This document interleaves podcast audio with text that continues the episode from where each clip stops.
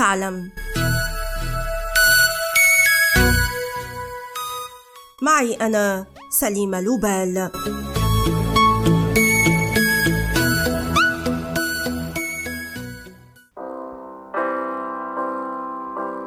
Wise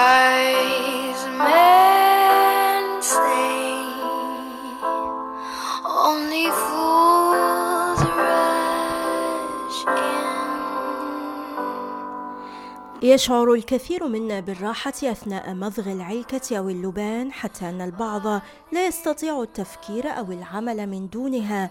فما قصة هذه العجينة المحلاة وكيف تحولت إلى منتج رائج في السوق؟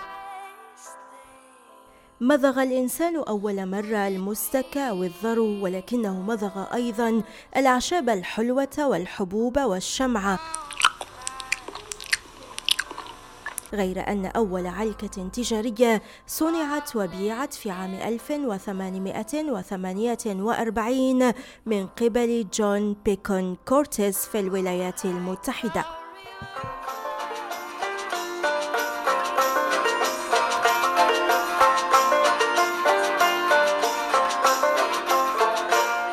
I came from Alabama with banjo on my knee.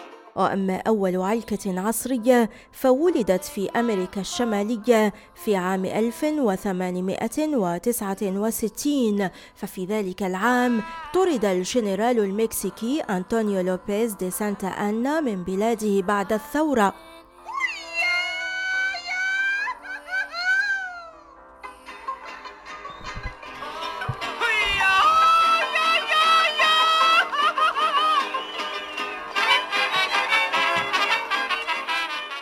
وصل الجنرال دي سانتا أنا إلى نيويورك حاملا معه 250 كيلوغراما من الصمغ المجفف المستخلص من شجرة سابوديلا لصناعة المطاط لكن تبين أنها غير صالحة لذلك فخزنها شريكه توماس آدامز وباعها في صيدليته بسعر أقل من الشمع وكانت المفاجأة إذ أقبل الناس على شرائها بشكل كبير.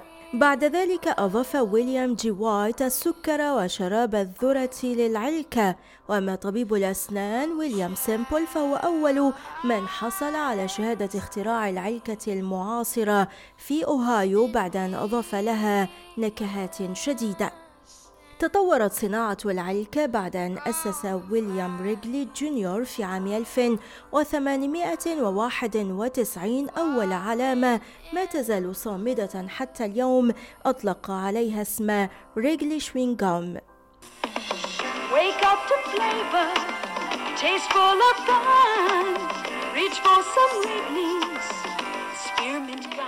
وتشير الإحصائيات إلى أن ثلاثة ملايين طن من العلكة تستهلك سنويا في العالم خاصة بعد أن بدأت شركات بتصنيع علكات متعددة النكهات والأشكال والألوان وأخرى من دون سكر.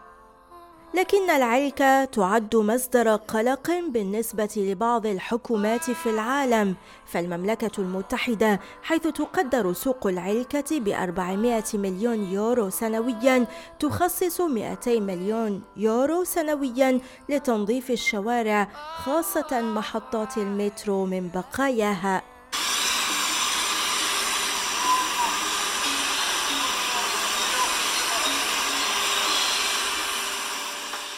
وأما دول أخرى مثل سنغافورة فقد منعت استيراد وبيع العلك بشكل كامل منذ 1992 ما عدا العلكة التي تستخدم في بعض العلاجات. بينما دول أخرى لا تجد مانعا في الترويج لها. ففي سياتل الأمريكية أصبح جدار العلكة الذي تغطى جزء منه بالعلكة الممضوغة من بين أهم المعالم السياحية التي يقصدها زوار المدينة.